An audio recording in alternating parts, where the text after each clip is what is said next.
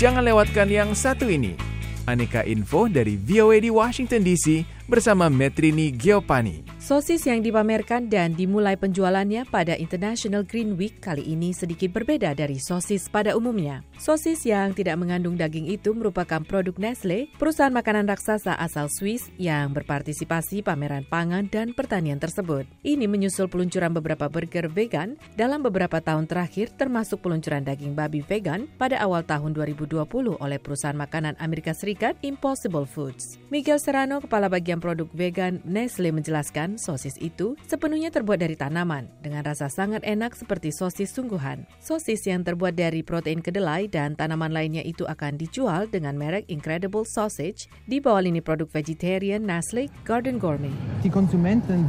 Konsumen menginginkan alternatif nyata karena mengkonsumsi daging semakin dipertanyakan masyarakat. Orang-orang menginginkan nutrisi yang lebih baik, pola makan yang lebih seimbang. Konsumsi daging sering dikaitkan dengan emisi gas rumah kaca dan alternatif vegetarian dipandang oleh banyak konsumen sebagai alternatif yang lebih ramah lingkungan. Lebih dari 1.550 peserta memamerkan produk mereka dalam pameran pangan dan pertanian terbesar Jerman tersebut. Banyak di antara peserta pameran itu adalah perusahaan dan restoran tradisional, tapi ada juga beberapa perusahaan rintisan kecil yang turut meramaikan pameran tersebut. Salah satunya adalah Isaac Nutrition, perusahaan berbasis di Cologne yang membuat protein shake minuman berprotein untuk kesehatan seperti protein balls, sembilan sehat yang terbuat dari larva dan serangga. Charlotte Binder, CEO Isaac Nutrition, memaparkan.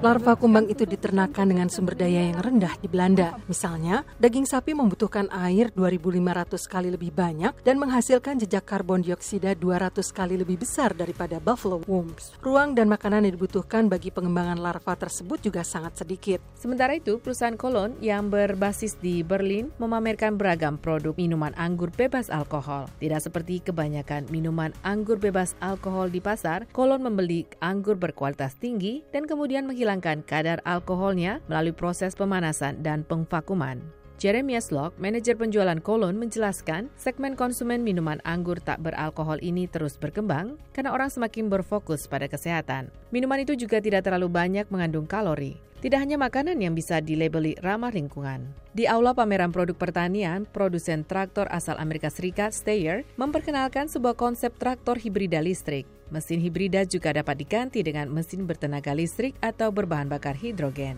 Akan tetapi pada tahap ini traktor tersebut barulah sebuah konsep. Strayer belum berencana merilis traktor listrik itu ke pasar sekarang ini. Lebih jauh, Jonah Horman, manajer penjualan Strayer, memaparkan. Ketika melihat konsep seperti ini, Anda pasti bertanya-tanya, kapan ini akan tersedia? Saya pikir ini adalah sesuatu yang kita semua akan pelajari, tapi saya pikir jawabannya adalah itu tidak akan lama. Pameran pangan dan pertanian terbesar Jerman telah terselenggara pada tanggal 17 hingga 26 Januari lalu. Metrini Giovanni, Voice of America, Washington DC.